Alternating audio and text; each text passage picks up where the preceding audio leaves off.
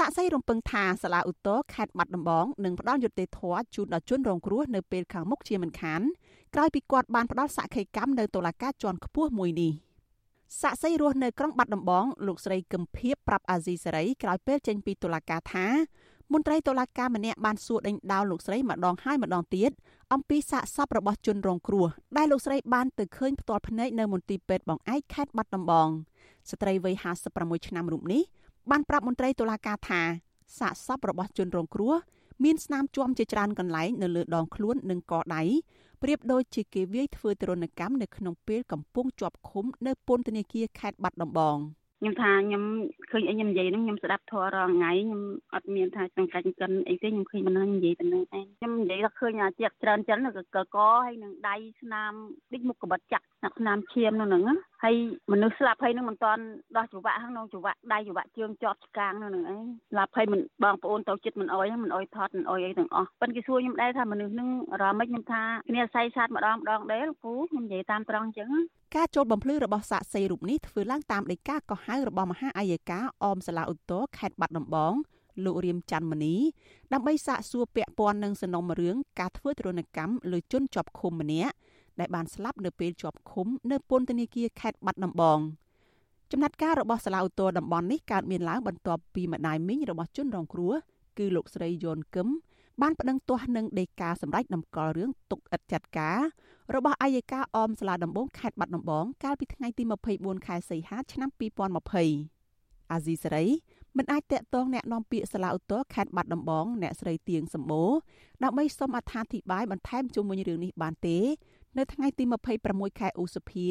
ដោយទូរស័ព្ទចូលពុំមានអ្នកទទួល។ជនរងគ្រោះឈ្មោះអនទឹកអាយុ38ឆ្នាំរស់នៅភូមិរំជែក4សង្កាត់រតនៈក្រុងបាត់ដំបងបានស្លាប់នៅក្នុងពេលសមត្ថកិច្ចឃុំខ្លួនកាលពីថ្ងៃទី30ខែមេសាឆ្នាំ2020ជនរងគ្រោះដែលមានជំងឺវិកលចរិតរូបនេះត្រូវបានសមត្ថកិច្ចចាប់ខ្លួនកាលពីថ្ងៃទី19ខែមេសាបន្ទាប់ពីគាត់ចូលទៅបើកឡានរបស់អ្នកភូមិម្នាក់បុករបងផ្ទះគេបណ្ដាលឲ្យខូចខាតផ្នែកខាងមុខឡាន ភ្លាមភ្លាមនោះសមត្ថកិច្ចបានចាប់ខ្លួនលោកអនតិតយកទៅឃុំខ្លួន នៅទីបញ្ជាការអាវុធហត្ថខេត្តបាត់ដំបងមួយរយៈមុនបញ្ជូនទៅឃុំខ្លួននៅពន្ធនាគារខេត្តនេះបន្តទៀតរហូតដល់ថ្ងៃស្លាប់តែម្ដងរូបថតរបស់ជនរងគ្រោះដែលអាស៊ីសេរីទទួលបានបង្ហាញថា នៅលើដងខ្លួនសពមានស្នាមជាំជាច្រើនកន្លែង ដូចជាដៃជើងខ្នង និងចង្កេះមានស្នាមជាំឆោតឆោត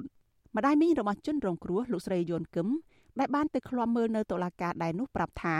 លោកស្រីកក់ក្ដៅក្រោយពេលមន្ត្រីតុលាការ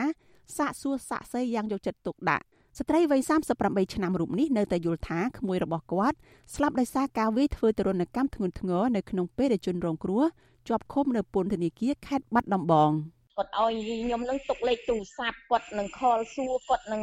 តាមដានឲ្យបើថាមិនមិនទេគាត់ឲ្យគាត់ដាក់กระดาษថ្មីគាត់នឹងដាក់กระดาษថ្មីតែបើអត់ដាក់ទេគាត់ខលគាត់ខលហៅមកបដ ாய் អញ្ចឹងធ្វើឲ្យខ្ញុំមានទំនុកចិត្តដែរគាត់ស្វាត់ស្វែងថងតំណឹងអញ្ចឹងណាបងហើយគាត់ធ្វើការរៀងស្វាត់ស្វែងជាងខាងសាលាដំបងអញ្ចឹងហើយទៅខ្ញុំមានអារម្មណ៍ថាគាត់ក្តៅដូចសាលាដំបងគាត់និយាយអីដូចខុយខុយអញ្ចឹងគាត់អត់មានយកចិត្តទុកដាក់អីចឹងណានិយាយទៅសួរមួយម៉ាត់មួយម៉ាត់និយាយទៅដូចជា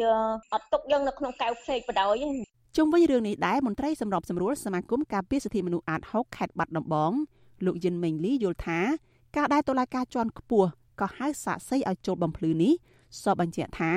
នីតិវិធីនៅក្នុងសាលាឧទ្ធរលើសំណុំរឿងនេះកំពុងដំណើរការទៅមុខមន្ត្រីសង្គមសិវិលរូបនេះជឿថាសាលាឧទ្ធរនឹងស្រាវជ្រាវស៊ីជម្រៅទៅលើរឿងនេះឡើងវិញដើម្បីផ្ដល់យុត្តិធម៌ដល់ជនរងគ្រោះ។ អញ្ចឹងបានខ្ញុំបញ្ជាក់ថាសេចក្តីសម្រេចបង្ករឿងទុកបោះសាលាដំបងខេត្តបាត់ដំបងនេះវាពុំមែនជាអញ្ញាអស់ជំនុំទេតែសាលាតរកឃើញមានពិរុទ្ធរកឃើញមានផុសតាងសម្រាប់ដាក់បន្ទុកអញ្ចឹងសាលាតរគាត់នឹងបង្វល់រឿងនេះដោយបង្កប់បញ្ជាឲ្យសាលាដំបងហ្នឹងធ្វើការចាត់បង្កាន់ដំណើរការនីតិវិធីឡើងវិញបាទក្នុងរយៈពេលជាង1ឆ្នាំកន្លងមកនេះនៅខេត្តបាត់ដំបង មានជនជាប់ឃុំចំនួន3នាក់ហើយដែលបានស្លាប់នៅក្នុងពេលសមត្ថកិច្ចឃុំខ្លួនការស្លាប់ទាំង3ករណីនេះសាកសពសុទ្ធតែមានស្នាមជាំនៅលើដងខ្លួនដៃនិងជើង ហើយក៏របស់ជនរងគ្រោះភៀកច្រើនទុនខុសប្រក្រតីប្រៀបដូចគេវាយបាក់ឆ្អឹងកលើពីនេះនៅកន្លែងខ្លះមានស្នាមជាំឆោតឆោតដូចជាត្រូវគេវាយនឹងដំបង ឬខ្សែភ្លើងទៀតផង